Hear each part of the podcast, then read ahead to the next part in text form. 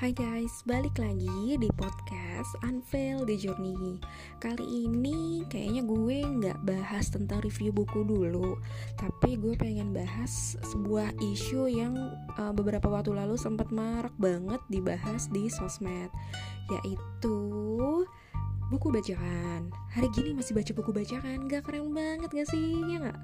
Nah kenapa sih gue ngebahas topik ini? Karena gue sendiri pun sebagai pembaca gerah banget sih ngeliat peredaran buku bajakan yang aduh marak banget deh di marketplace. Kalau kita ngeliat marketplace itu kita search misalnya mau beli buku itu banyak banget yang jual PDF yang tentunya ilegal dengan harga yang jauh lebih murah. Berapa coba? Bisa di 5000 aduh sedih banget gue. Terus uh, selain itu gue juga kemarin baca keluhan dari publisher teman-teman penerbit terus uh, dari toko-toko buku teman-teman pembaca buku yang benar-benar kecewa karena masih banyak banget pembaca yang membeli buku ilegal Kenapa? Karena dengan kita membeli buku ilegal itu kita sama sekali tidak menghargai jerih payah penulis pada khususnya dan juga jeripayah dari tim penerbit. Karena buat nerbitin satu buku itu nggak cuma di, cuma uh, oleh satu orang loh. Penulis langsung nerbitin enggak. Itu banyak banget orang-orang yang ada di balik penerbit.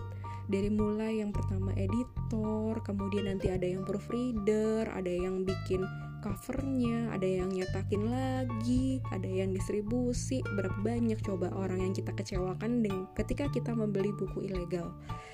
Dan dari uh, setiap uang yang kita berikan kepada penjual buku ilegal itu nggak sepeser pun masuk ke kantong penerbit atau apalagi kantong uh, penulis. Bayangin aja kalau misalnya penjualan mereka stuck gara-gara kita ngebeli buku ilegal gimana mereka bisa nerbitin buku? Sementara kita sebagai pembaca ngeluh mulu. Kok buku yang ini nggak terbit-terbit sih? Kok buku yang ini nggak dilanjutin sih? Ayo perputarannya jadi terputus kan? Dan itu sama sekali uh, merusak merusak distribusi perbukuan di Indonesia ini. Kemudian uh, kalau masih banyak yang alasannya aduh kak buku yang asli kan mahal banget kita dapat duit dari mana buat beli?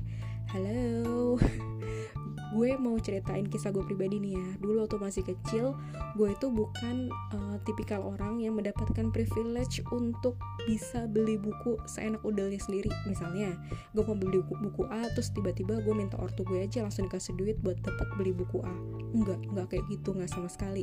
Gue pun uh, buat beli buku itu mungkin dibatasin beberapa bulan sekali kali ya. Tapi apakah itu artinya gue menyerah untuk beli buku? Enggak. Kita bisa nabung dulu pun gue kayak menyisihkan setiap uang jajan gue buat beli buku. Alhamdulillah kalau ditambahin sama ortu kalau enggak ya udah usaha sendiri dong terus kedua uh, kita bisa mengejar diskonan. Kali ini uh, banyak banget loh book fair book fair atau toko buku toko buku yang memberikan dan menyediakan diskon diskon yang cukup lumayan sih menurut gue bisa harganya itu bisa berkurang 20 sampai 30% untuk buku baru. Nah, itu kita bisa memanfaatkan momentum itu. Terus kalau misalnya menurut kalian masih sulit juga untuk membeli buku, sudah banyak loh uh, akun-akun yang legal dari pemerintah yang menyediakan buku gratis. Contohnya apa?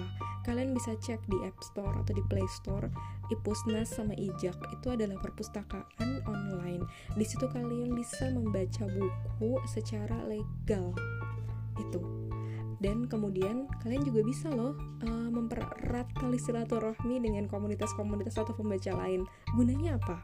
Gunanya kalau misalnya kalian udah dekat dengan reader lain dan kalian bisa dipercaya, kalian bisa juga kan tuker-tukeran untuk meminjam buku. Misalnya kayak gue nih dulu uh, dulu tuh gue punya teman yang emang bukuan juga.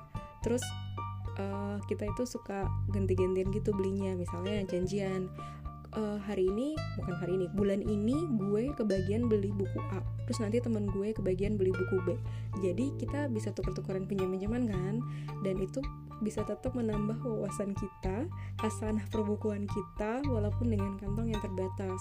Jadi sebenarnya banyak banget loh cara buat baca buku legal, buat baca buku buat nambah temen pula kan jadinya tanpa kita harus memutus rantai pendistribusian tanpa kita harus merusak jeripayah dari penulis dan dari publisher.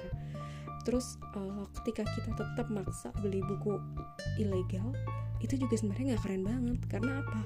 Kualitasnya sendiri tuh bener-bener jelek banget deh kalau dibandingin sama buku legal. Mulai dari kualitas kertas yang biasanya mereka gunain kertas buram macam buat ujian ya kan?